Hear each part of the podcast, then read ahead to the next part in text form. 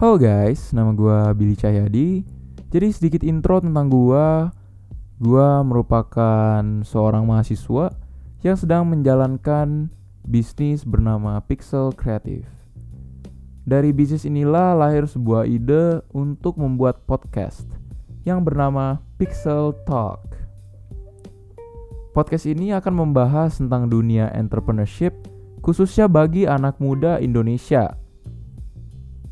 Gue akan menceritain pengalaman gue, dan juga nantinya gue akan mengajak para pebisnis muda Indonesia untuk men-sharing insight mereka tentang dunia entrepreneurship.